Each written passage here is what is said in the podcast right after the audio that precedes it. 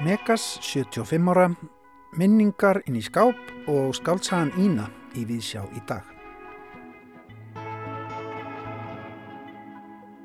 Megas er 75 ára gammal í dag, fættur í Reykjavík þann 7. apríl árið 1945. Við ætlum að senda Megasi afmæliskveðju í Víðsjá í dag og heyrum af þessu tilefni brotu úr viðtali sem að ég átti við Megasi í apríl árið 2012 og fluttar hér á rás 1 í þættinum Komdu með mér og ég skal sína þeir sólin að setjast fyrir fullt og allt. Þetta er auðvitað ljóðlína eftir Megas. Megas fór víða í þessu viðtali talaði meðal annars um benskuminningar, viðtökur, Salma, Kolbein, Jöklaskáld, Beethoven, meint helgi myndabrót, hasar myndablöð og raunar margt, margt fleira og uh, svo settist hann líka við pianoið.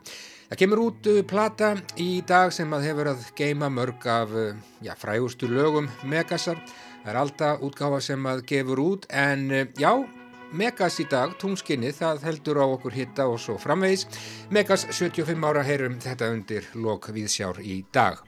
Sigurlín Bjarni Gísladóttir, riðtöfundur, flyttur hlustendum hugleðingu um undarlega tíma eins og hún hefur gert í viðsjá undanfarnar vikur Hún veldir í dag fyrir sér minningum og gildi þeirra þegar hún grefur upp boka fullan af minningum á heimili sínu. Dóttir hennar hjálpar henni við að fara í gegnum bokan. Bókvikunar á ráseitt að þessu sinni er skálsagan Ína eftir skúla Tórótsen. Bók sem að kom út á síðasta ári, höstundur heyra í höfundunum skúla í Víðsjá í dag. Og hlustundur heyra einni ljóð fyrir þjóð en að þessu sinni er það Ragnhildur Stendórsdóttir, leikona sem að les einn á stóra sviði þjólikúsins Já, víst er sárt ljóð eftir sænsku skaldkonuna Karin Boye í þýðingum Magnúsar Áskessonar. En við ætlum að hefja viðsjádagsins á minningum sem leynast inn í skáp. Sigurlín Bjarni Gísladóttir teku við. Minningar í póka. Í fataskapnum er ég með innkaupa póka fullan af stílabókum. Þessi póki hefur fyllt mér í 30 ár og þvælst á milli íbúða og yfirleitt fengið að dúsa í gemslunni. Í pókunum eru dagbökur mínar frá því ég var 13 til 15 ára. 1. janúar 1989 hófust dagbókarskrifin og það ár skrifaði ég upp á hvern einastasta dag. Smán saman fór að fækka skiptunum sem ég skrifaði og einhver tíman á árunnu 1990 tók ég þá ákvörðun að skrifa bara þegar eitthvað merkilegt gerðist. Í gegnum árin hef ég átt blendnar tilfinningar gagvart þessum póka. Yfirleitt hef ég ekki kert mig um að skoða efnið.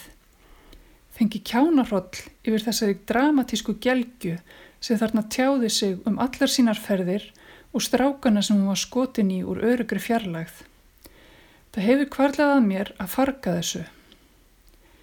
Þegar ég lesi gegnum bækunar í dag fæ ég insýn inn í það hvernig var og er í raun og veru að vera 13 og 14 ára úlingur. Að vera manneskja í mótun, forvitin, feimin, vandraðileg og óakveðin. Ég les tekstan eins og spennusögu þar sem hverstagurinn sem var blasir við og inn á milli koma gullkorn sem eru í dag fyndin í gelgjulegum alvarleika sínum. Stundum ofbyði mér sjálfhverfan og uppskrúfuð dramatíkinn.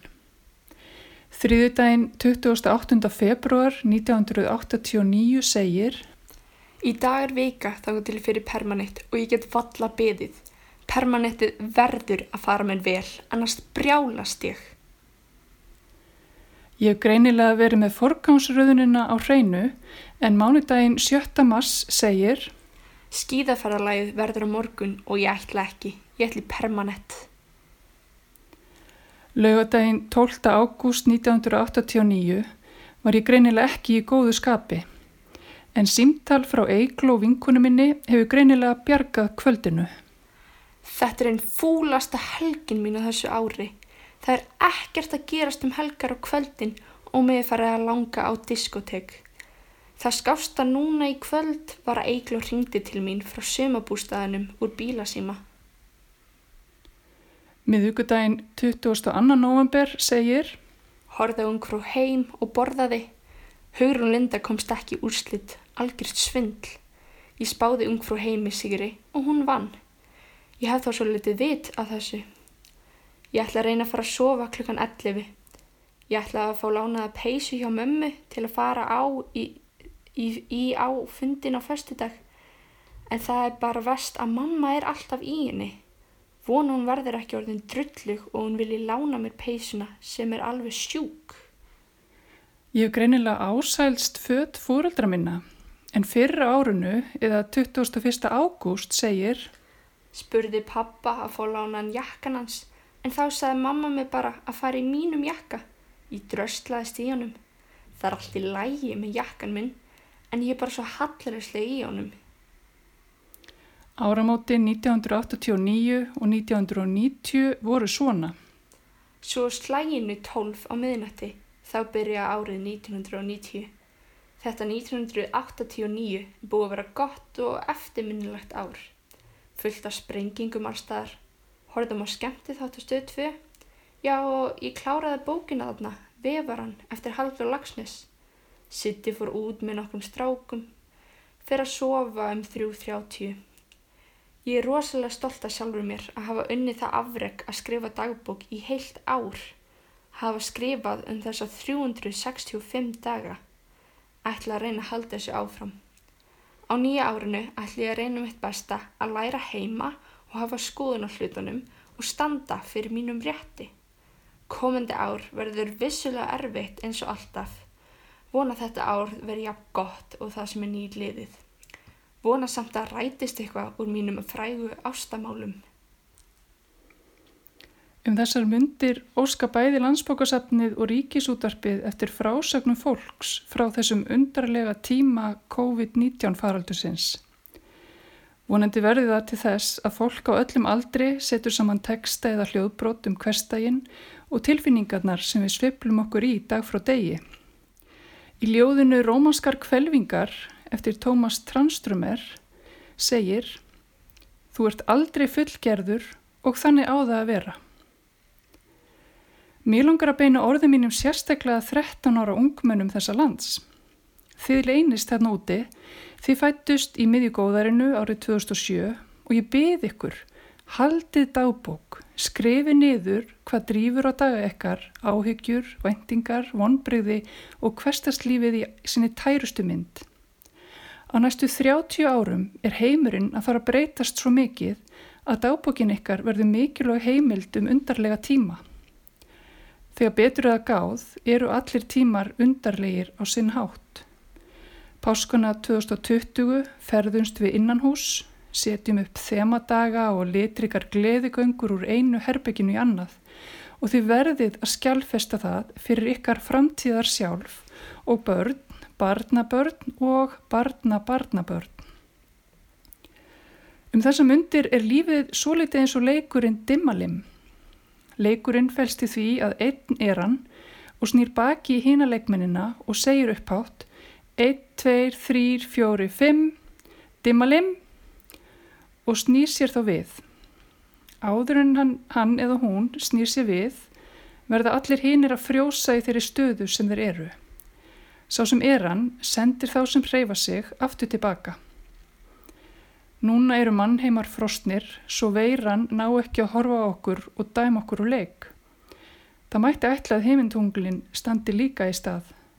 Slíkt er frostið, en jörðin heldur áfram að snúast í kringum sólina. Árið 1989 voru sjónvarpið og útvarpið svo gott sem eina afþreyingin fyrir utan plötur, spólur og hangs með krakkahópum á götuhornum. Það var hægt að hanga í símanum og spjalla við vinkonur, bara eina í einu þó. Margir voru enþá með skífu síma en takkasímatnir voru að reyðja sér til róms. Árunni 1989 voru tölfur ekki orðnar almenn eign og heimilum, farsímatnir eins og við þekkju þau í dag ekki til og símanúmerabyrtar voru yfirlegt ekki til staðar. Þannig var hægt að ringja út og söður og svo sem svaraði gæti ekki séð hver var að ringja. Það var því mikilvægt að byrja hvert samtal á því að kynna sig. Þetta þýtti líka að það var hægt að gera símaat og við vinkunurnar stundum það grimt þegar fóreldrarnir voru viðs fjarrri. Við ringdum upp í sjóppu og spurðum hvort væri til dömubindi og skemmtum okkur yfir því hvað þau sem svöruðu fóru mikið hjá sér. Í dagbókinni má sjá hvernig ég var skotin í strák sem ég þorði ekki fyrir mitt litla líf að yrða á, en stundaði hins vegar miklar personunjósnir og þannig viss ég í lok árs heimilisvang, afmælistag, símanúmer, nöfn fóreldra og bílnúmer fóreldra. Oftar en ekki ringdi ég heim til hans og þegar svara var, sagði ég í óðagoti Afsakið, vittlis númer. Við vingunurnar stundum það að ringja inn á bylgjuna á rás 2 og senda kveðjur til annara vinkvenna og stundum fengu Steppi Hilmars og Eithor Arnalds líka kveðjur. Ég man eftir því að sitja við útarpið og fá kveðju í betni frá vinkonu. Árið 1989 kom út platan Hvar er draumurinn með Sálinas Jónsmís og ég náði að taka laugin upp á spólu þegar þau voru frumflutt í útastáttum. Þegar platan kom loksis út, gæti ég sungi með. Nokkrum árum síðar tóku við nokkrar upp á því að ringja í strák og ekki segja neitt, heldur spila lægið Shape of my heart með Sting. Við settum símtólið við hátalaran og byðum með öndina í hálsunum á meðan Sting sá um símtalið. Fyrir stuttu tók daði freyr ábreyðu af þessu sama lægi. Ímyndið ykkur að síminn ringi, það er leinunúmer og eina sem heyrist er þetta.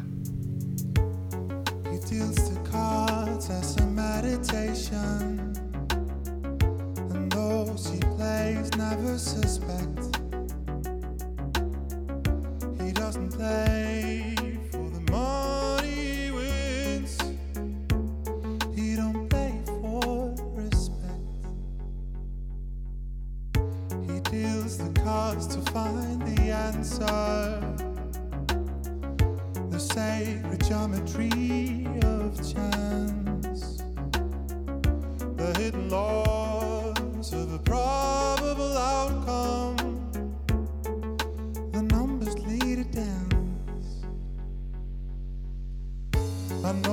Spades are the swords of a soldier. I know that the clubs are weapons of war. I know that diamonds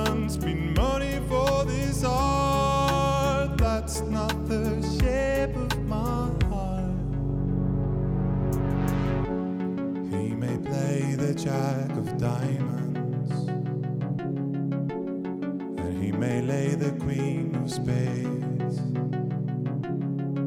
He may conceal a king in his hands while the memory of it fades. I know that the spades are the swords of a soldier. I know that the clubs are weapons of war.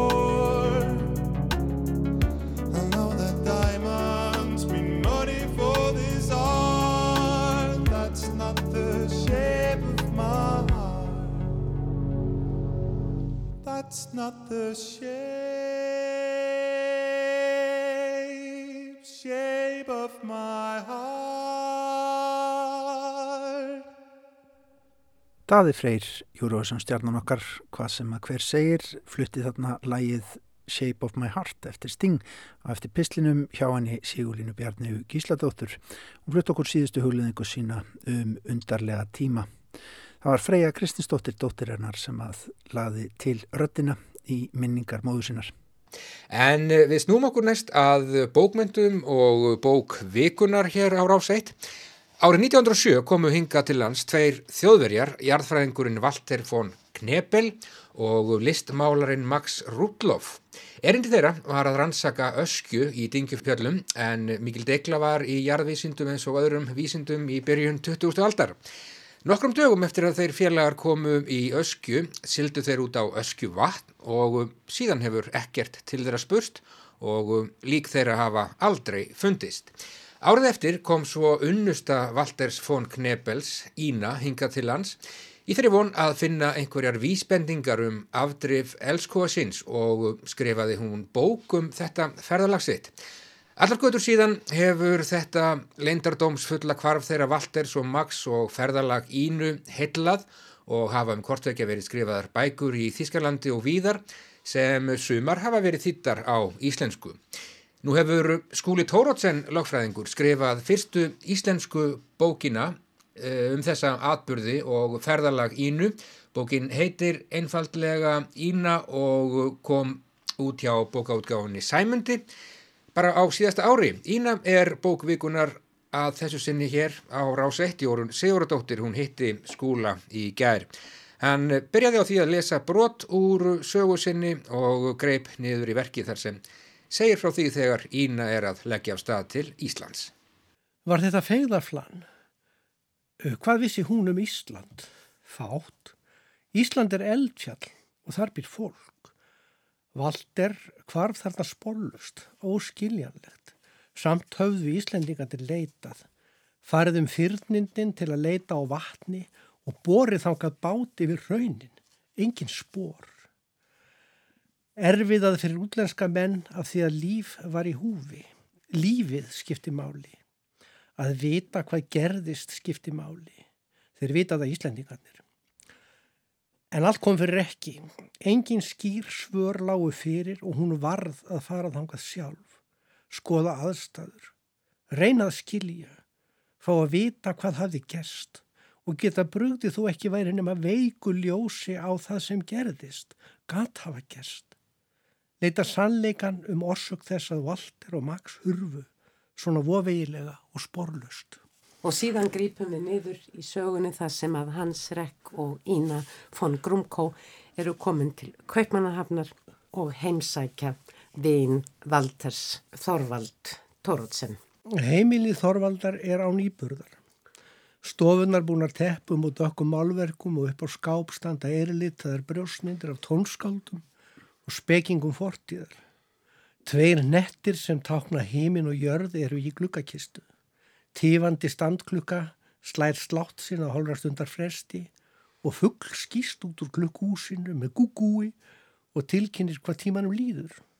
Þetta er svissnesk alpaklukka innan um bækur þar sem kyrðin er í öndvegi.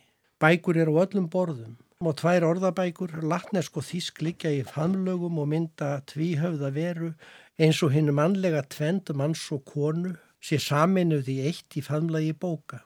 Bókasapn þekur alla veggi til lofts í vinnuherbyrki Þorvaldar sem kemur sér fyrir í hægindastól.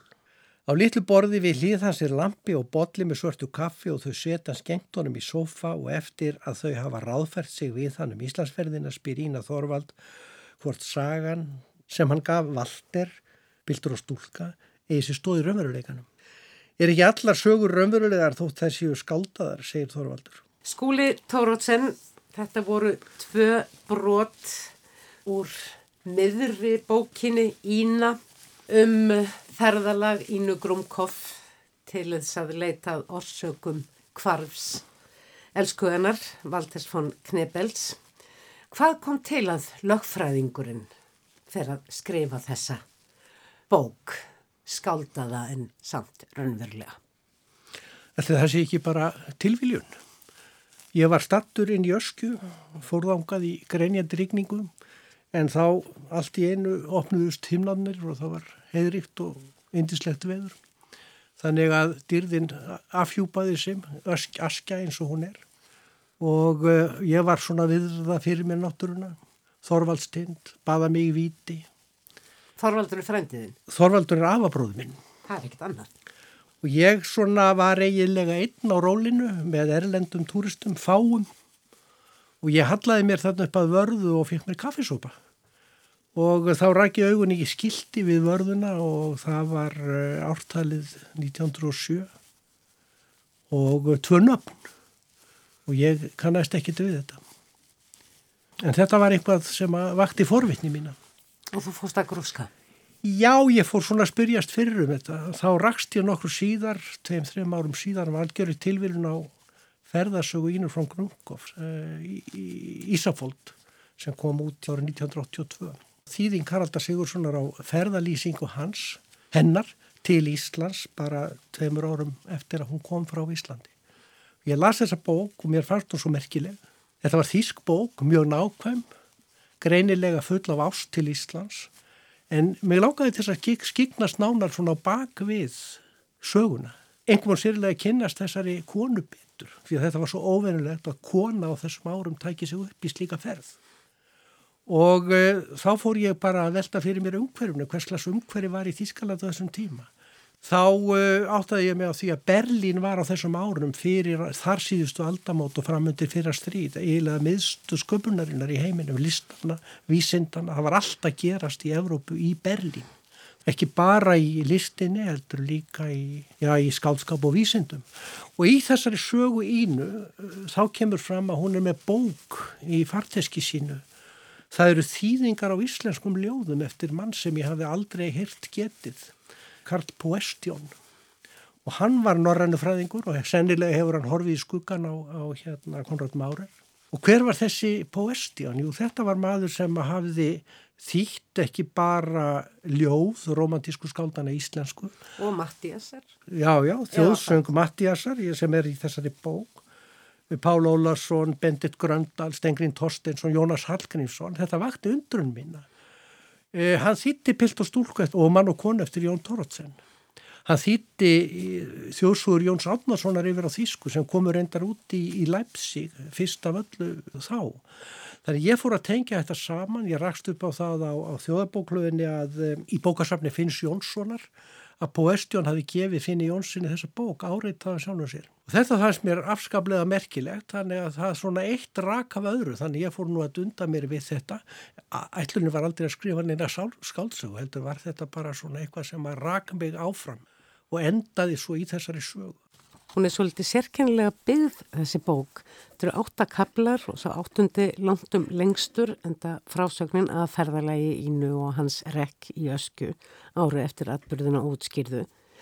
Undanfærandi sjökablar spanna þó vel þriðjung bókarinnar og þeir eru í raun fórsagan fyrir utan allra fyrsta kablan þar sem Ína er orðin gömul kona en hinnir eru fjalla um gósið í öskja árið 1875 tengst forvalda Tórótsen, Poestjóns, Valters og Ínu og, og reyndar líka fjallað um kynni Valters og Ínu á sínum tíma. Mér langaði líka að vita hvað hefði orðið um þessa konu, hver urðu örlög hennar mm. og þau urðu þau að hún deyr í stríðinu í Berlín, einn. Hans Rekk sem var Hans Rekk, já, hann, hann er hann... dáinn í Afríku Hún uh, lendi í fangabúðum breyta í fyrir heimstyrjöldinni í Dar es Salaam. Hún gerðist ljósmyndari, hún var að læra málaranist þegar, þegar þetta gerist og, og það er einmitt það umhverfi sem ég vil tengja saman þessa tilviljun sko Þorvaldur Valter, vísindaheimurinn í jarfræðin. Verkfræðin var náttúrulega sko vísindi vísindanna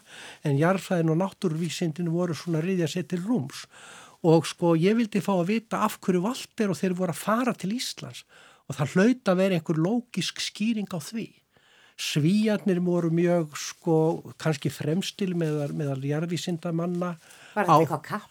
Þetta var alls ekki kapplöp en það sem er náttúrulega skýn í gegn ef að með lesa minningabækur Þorvaldar Tórótsin og ferðasugur hans.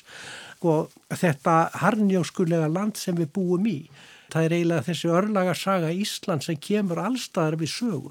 Við erum alltaf að glýma við náttúruna eins og hún er, eins og hún kemur fyrir, við erum að takast á vera bara núna á þessum dögum. Það var eiginlega þetta sem að mér fannst svo merkilegt líka, það er að segja íslensk náttúra, harneskjan og fegurðin og ef að maður sjálfur eins og, eins og ég hef komið á alla þessa staði sjálfur þá er maður kannski að skrifa sína eigin sögu, sína eigin tilfinningar til landsins. Þetta er svona kannski ástaróður til Íslands í leiðinni. Þú lætur hans rekk á einum stað segja að rannsaka eldgós er ekki bara jarðfræði. Það er einnig að rannsaka örlagasögu Íslendinga. Já, það líkur eiginlega beint við. Þetta lýsir því bara hvað er erfitt að búa í þessu landi. Þú þurftur að hugsa mikið um það hvernig þú allar að segja þessu sögu. Samanber bygginguna og svona sögumannsröttina. Nei, vistu það, það, nú er ég ekki bókmæntafræðingur, ég, ég er lögfræðingur og, og, og ég las domskjölinn í þessu máli. Það er að segja eftirmálana á Íslandi ég er svona grúskað í svoleiðis gögnum en ég bara ákvað það að reyna að tekna upp fyrir sjálfa með einhvers konar mynd af umhverfinu eins og mér síndist hann vera. Ég ákvað að sleppa því að fara að, að hérna, vera að segja eitthvað sannleika. Mér langaði frekar að eh, segja sögu eins og ég held að hún gæti kannski hafa verið. Þú ert mjög nákvæmur í leiðarlýsingum og uh, jafnvel uh, að benda á bæi og hús sem alls ekki eru lengur til og voru kannski aldrei til. Hversu mikil skáldskapur er þetta? Já sko, eins og, eins og Þorvaldur segir sko, er ekki allur skálskapur öðruleikin sko. Auðvitað náttúrulega er ég að fylgja leiðalýsingu ínu sjálfurar og kannski er ég að krytta hennar leiðalýsingu, hennar lýsingar á Íslands náttúru með minnum eigin upplifunum og að tengja að því er ég held hennar tilfinningar við landið, hvaða áhrif hérna kannski landið hefur á hana til þess að ná sér út úr sorg og söknuði. Varðandi heimildirna, þú myndist á bók ínu og það hafa komið á bara síðustu árun jáfnvel að minnstakosti tvær bækur sem að fjalla um þessa ferð ínu og hvarf þeirra Valters von Knebels og uh, Max Rudloff. Já, ég reyndi nú að stauta mig fram úr annari þeirra sem að var nú svona eiginlega saga á slóðum ínu, það var maður sem að fór svona í fótspóreinar og ég sagði hérna, þetta er gott og blessað, ég ætla ekki að láta trublast af, af annara manna sín á því sem ég er að gera. Mm. Ég var svo heppin að Kristján Sæmundsson, jarfræðingur, hann átti gögnum þetta mál og, og, og lánaði mér og meðal annars sá ég glefsur úr þýskum blöðum frá þessum tíma og það var svona svolítið komist sko en bara tómar getgáttur. Þú segir í eftirmálanum að þú látir fólk í sögunni hitta sem kannski aldrei hafi hist. Hvaða fólk er þetta? Voru Valter og Þorvaldur vinir til dæmis? Ég tel afar líklegt að Valter hafi verið á jarfræði þingin í Berlín 1899. Það kemur hverki fram í minningarbókum Þorvaldar hann hafi hitt Poestjón en það er hins vegar mjög líklegt að Þorvaldur er í fóstursonur Jóns Átnarssonar þjóðsarnarsamfræðings og hann er velgjörðar maður hans og ég, það eru brefaskipti um samskipti Jóns við Finn, eh, Jónsson í Kaupmannahöfn og hann er að byggja hann fyrir um Þorvald þegar hann er ungur og, og Poestjón þekkir jú Finn, við vitum það. Þannig að þetta, er, þetta eru þessi tengsl, ljóðabókin, skálskapurinn og allt saman. En svo er það náttúrulega líka myndlistin í bókinni og ég er náttúrulega mjög hrifin af, af þýskumálurunum Gabrielu Munder til dæmis og, og, og, og þeim. Ég dreg þar og ég ef að, að hérna að Ína hafi hitt Kandinsky og það fólk. En það má vel vera vegna þess að hún er ju á þessum tíma í listaakademíun í Berlín. Gekk þér vel að skrifa? Ég veit það ekki. Ég skrifaði þetta oft ég held ég hafi nú byrjað með sko eitthvað þúsund blansíður en þessar er nú kemur 280 ég var komin langlegar með Þorvald eitthvað út í buskan eh, niður til Vesuvíusar og Ítali og Capri en, en, en það náttúrulega var bara tekið í burtu sko. Svona var þetta bara lokum, ég bara festist við þessa konu, hún var óvenileg hún var sterk, hún var eitthvað sérstök, einstök. Þekkjur það einhver myndverkanar? Já, já, í bókin hennar eru myndir og og í bók sem að Rekk gaf út um rannsóknir Valters 1912 eh, eru myndir eftir Volter þannig myndir eftir hann eru til meðal annars hér á Íslandi falli mynd af herðubreið. Ertu komin á bræðið með skriftir af þessu tægi? Ég veit ekki, ég er náttúrulega orðin pensjónisti núna þannig að ég veit ekki hvað ég hérna hvað maður gerir en, en hvað manni endist að ég hef meira gaman að því að mála. Þannig að þið ína eigið ímislegt sammeilegt. Já, mér finnst það, við eigum ímislegt sammeilegt. Sagði skúli Tórótsen, lögfræðingur um skaldsögu sína Ínu sem að er bókvikunar hér á ráseitt að þessu sinni.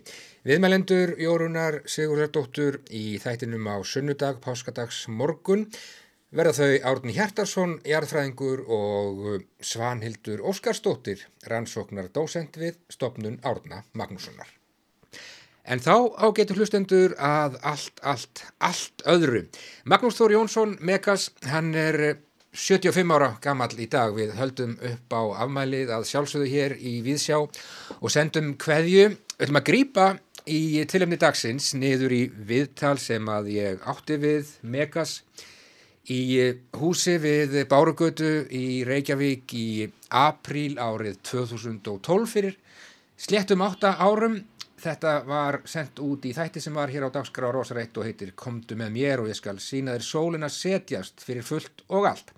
Við skulum hverfa nákvæmlega 8 ár aftur í tíman Megas fór víða í þessu viðtalið talaði um Beethoven og hasarmyndablöð og viðtökur og meint helgimyndabrót og raunar margt, margt fleira.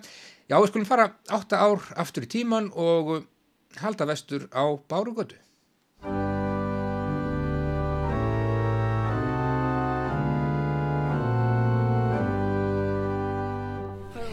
Sko ég uh, hugsaði átti sér ekki allir á því Magnús hvað hérna sko til dæmis þeir sem hafa ekki séð uh, svona teknikar eftir þig sko það er þessi nattni og það er þessi það er þessi hérna nákvæmni og, og svona einhver þörf fyrir, fyrir svona mikla mikla reglu, hvað færðu til dæmis út úr því að vera snutta í þessum pappirum út á hérðarhaga? Kannski er maður bara að, að, að fylla upp í eyður sko uh, ég uh, hafði mikla ágjörnd á, á framhaldssjónum sem kom í danskublaðunum þessi framhaldsmyndasjónum sem var Jerry and the Pirates upp á einsku Ím og Píraterni og svo ennsk saga sem, sem að þeir byrjuði með 23 sem enginn þekkir í Breitlandi en var frá Englandi og hétt Willi og og hann svona var fyrst var mjög einfaldur og avanseraðist hann og svo fór Danir að tekna bara þegar, þegar einhverju gafst upp á honum í Englandi sko. og mér fannst þáltið leiðinlegt að ég átti ekki að voða lítið af þessum síðum því að Tamilsjónar var ekkert kæft að heiminu mínu.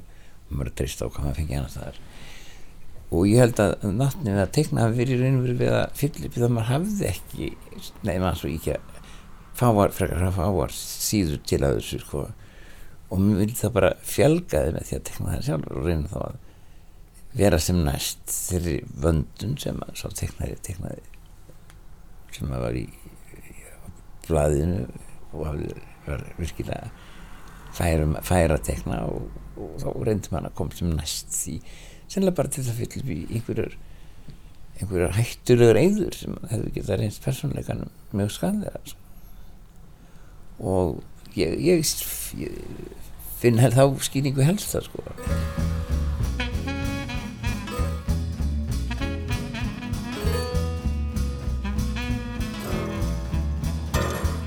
Það veit enginn hvar í veraldin hann býr. En vinir hans skísk á píramíta eða klaustu En ég, ég baði hann Tryggva Ólafsson eins og um að ég var svona leiðin til hafnar að, að, að panta fyrir mig pás á konunglubókarsafnu og, og stóra skamta af þessum myndasugublaðum sem, sem ég sá svona alltaf endur um sérnum sko, svona, þetta var einlega svona, svona prúst þarna plott sko, það er sér vita hvort að ég myndi bara eitthvað, hefti sem að lesa einhver mynd ég myndi bara kveikja í mér og færa mig einhver svona rollercoaster tour aftur í aldir. Og það var ekki löst það þegar, þegar ég þegar lóksins ég var á set, þetta var hálfsmánaði frestur og einhvern veginn var ég á set og svo að skilta þá að ég var fyrir neðan mig og gerði mig betur fyrirvara.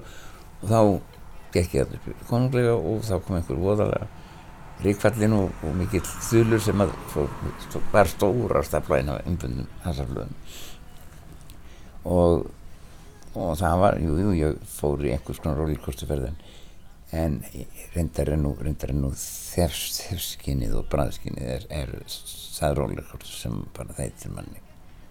Ég man eftir einni mynd í, í sögunni Markus Veiðimaður sem var í mokkanum frá tíma þegar ég var svona fjögur ára kannski.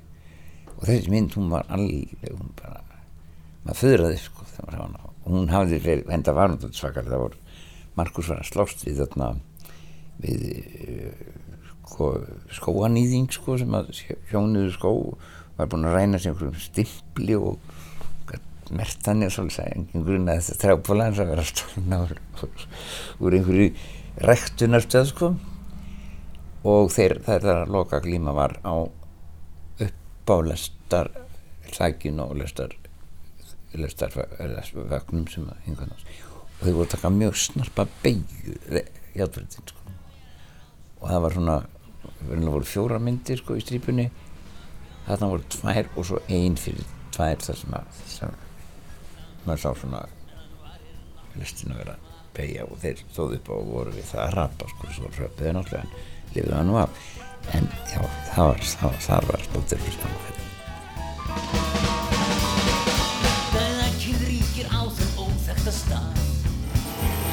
Það er eins og sjálfur dreppi við fæti.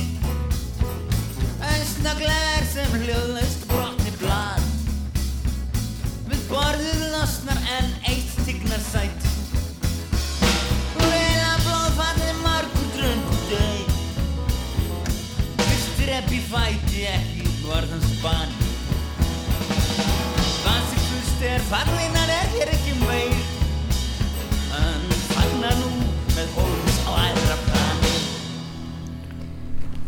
Ef þú horfir yfir hérna það sem þú hefur gert, Magnús, hvað, ertu, er eitthvað svona sem hefur sem að er þér kærara en annað, finnst þér þú, ertu hérna gladari með einhverja einhverja eina plötu en, en aðra eða, er, finnst þér þú er, ertu, horfur, getur hort á einhverja plötu albúm og sagt, já, ég nú bara helviti ánað með hafa gert þetta? Nei, það, það sko það kemur fyrir að ég er að pæla einhverju lægi og það er einhverju blötu og, og, og, og þá stundina verður það kannski svona kæra það eitthvað með en, en svo getur bara annað tekið við. Ég fyrir eitthvað sem það ég, ég menn að að Gleipa kandi Stella fekk mikla, mikla mikið vægi þegar ég svona hafði uppáhald fekk allt skyndilega sér þetta uppáhald á læginu Peklaðar plómur. Og ég fór mér, þetta enda nú í Þú ekki.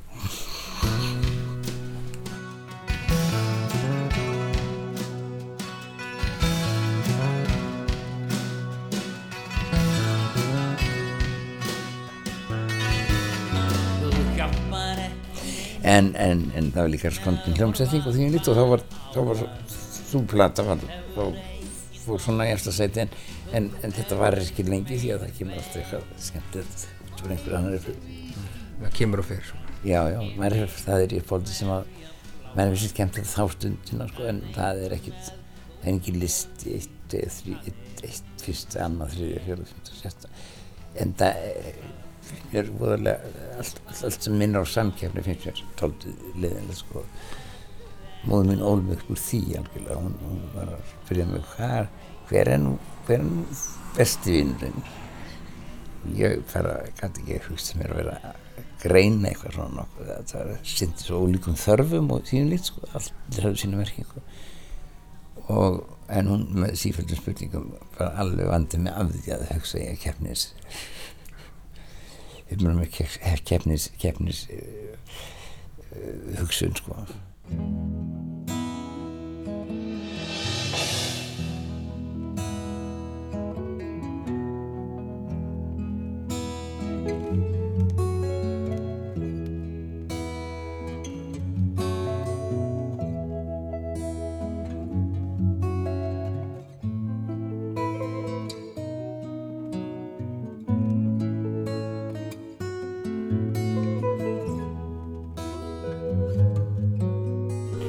Beethoven var í alltaf hói gengi hjá mér en, hann svona uh, hann var ágæðis poppar en, en, en, en hann hann eh, sko notaði há sko, hávarðina sko.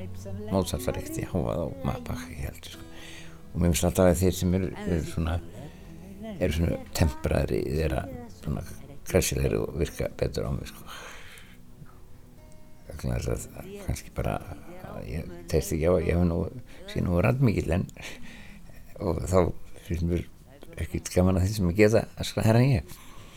En en, en Mozart og það reyndar ég er nú frá umsum góðum tónlistar unnendum að, að að það sé baka Mozart sem er ofan og þegar, þegar Beethoven er búin að eiga mikið skeið sem stór persóna í þessum slagkrafti í þessum sinfóníum þá þá hallar maður sig að baka Mozart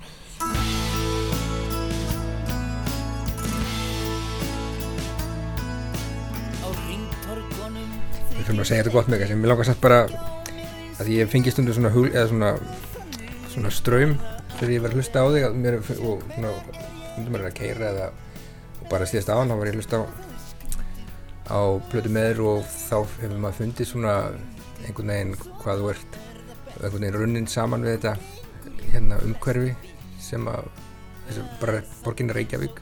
Og ég man ég var ekkert, varst einhvern veginn að spila nýra á nýra hljómskála. Og ég, labbaði vestan úr bæði sko. Og þá heyrði ég þess að það barst þess að frá, ég sá bara, horfði bara yfir miðbæinn og sá bara húsinu svo hennilega sko en heyrði svo bara í þér og hljómsveitinni sko, ég hugsaði bara já það er eitthvað þetta er eitthvað, eitthvað rétt við þetta. Hérna, hvernig tekur þú svona skjall, í hvernig sambandi áttu við Reykjavík núna?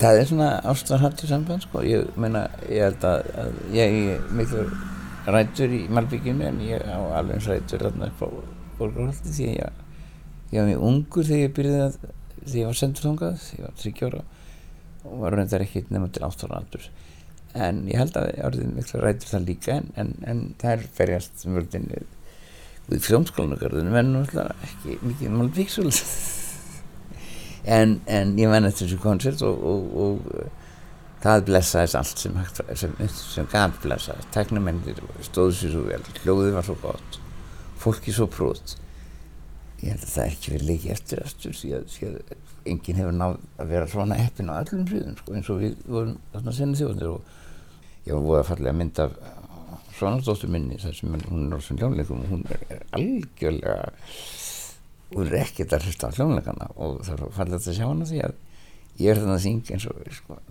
eins og físibelgur sko, og, og, og, og hún er svona lítil og hrætt og er ekki það skipta að segja öldum.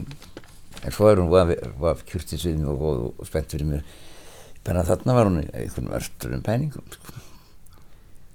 en það voru mjög vel lukkaðir og, og svo ætla hún að hitta mér reyndar eftir það var svolítið dabalegt en, en lífverðir mínir dróðu mig í einhvern bíl og kerðinu byrti Hérna, mm, ég hef engar hugsunir aðra en þá að lifa af, sagður einhvern tímann, er það hérna svona, stendur við það en þá?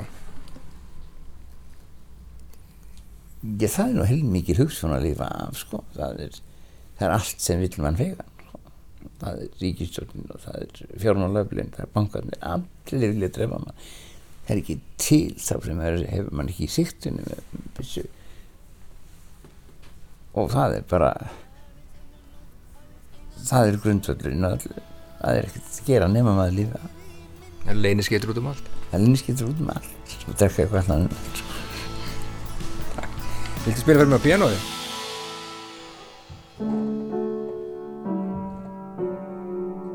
Og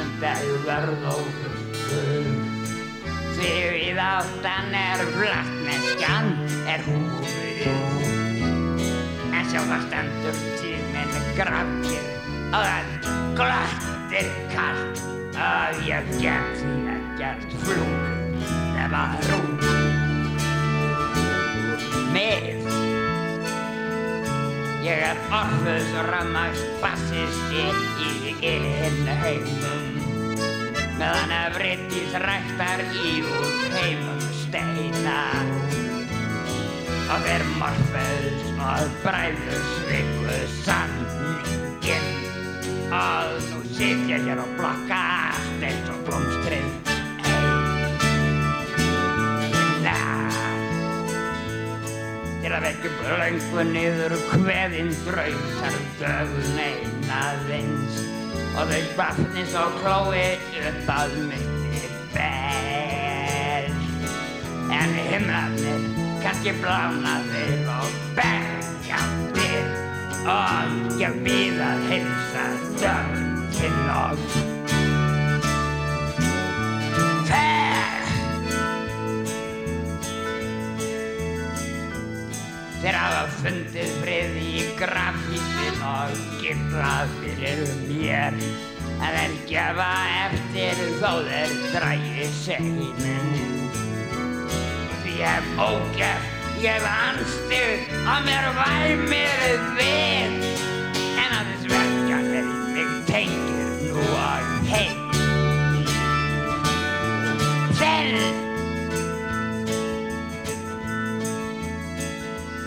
og niður úr infrarauðum himni. Hangir slíkræn sól.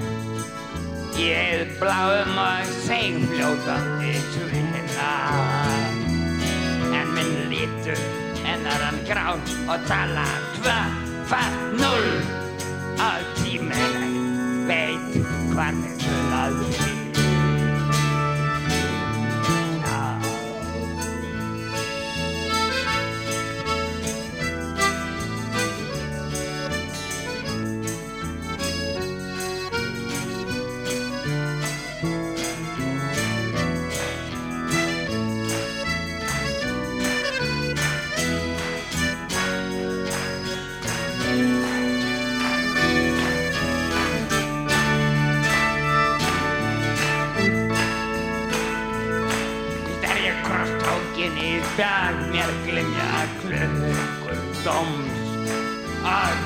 You're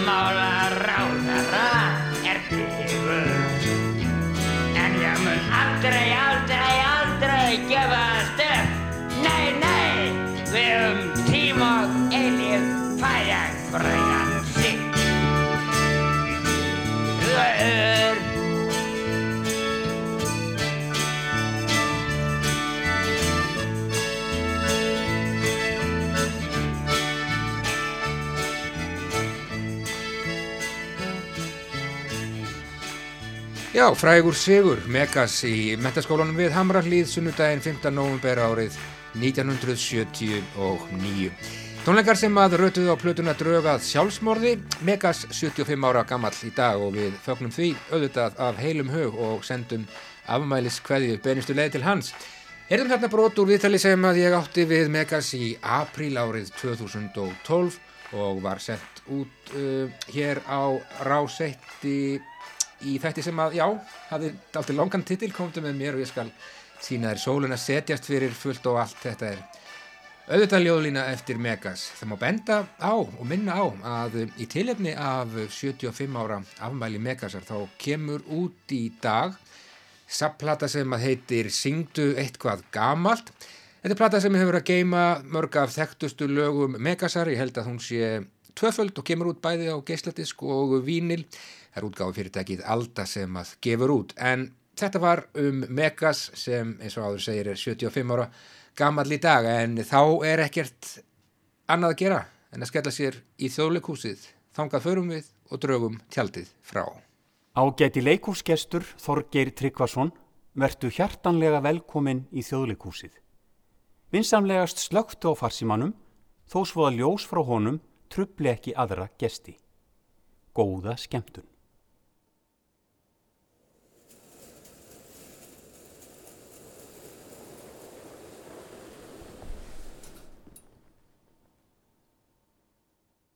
Já, víst er sárt eftir Karin Bói í íslenskri þýðingu Magnúsar Áskerssonar. Já, víst er sárt er bruman nappar bresta. Byði vorið svona að öðrum kosti. Væri annars öll vor heita löngun orpin þessu langa bleika frosti. heilan vetur, hulin, brumin lágu. Hvað er þetta nýja og sára er sprengið? Já, víst er kvöl, er bruman nappar bresta, bæði nýju er vex og gömlu er þrengið. Það er líka þraut er dropar falla. Þungir, skjálfand eins og tára á vanga, loða þeir við kvistinn, svella, sapnast, síga en reyna í angist þó að hanga. Þraut að hika í þrá og óta skiptur, þraut að heyra djúpin seiða og kalla en að þrauka þó og bara skjálfa. Þraut að reyna að hanga en vilja falla. Þá er allt sem báast er til bjargar, brumin reyfar sprengja í vorsins flaumi. Þá er sér hver hræðsla er haldlaus orðin, hrapat rópar kvista í leifturströymi.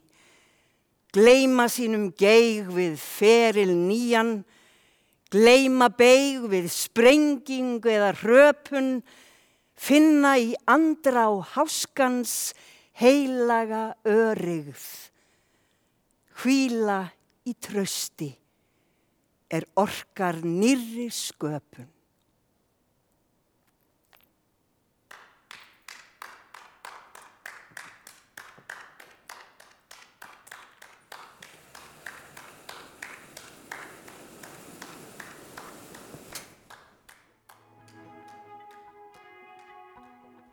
Ragnhildur Steindórsdóttir, leikona, las ein á sviði ljóðið Já víst er sátt eftir sænsku skáldkonuna Karin Boye í þýðingu Magnúsar Áskjörssonar. Þetta var ljóð fyrir þjóð og þá erum við komin á leiðarenda í Víðsjá í dag, Víðsjá hér aftur á morgun, löst eftir klukkan fjögur við þökkum bara kærlega fyrir samfélgina í dag, heyrumst betur á morgun, takk, verðið sæl.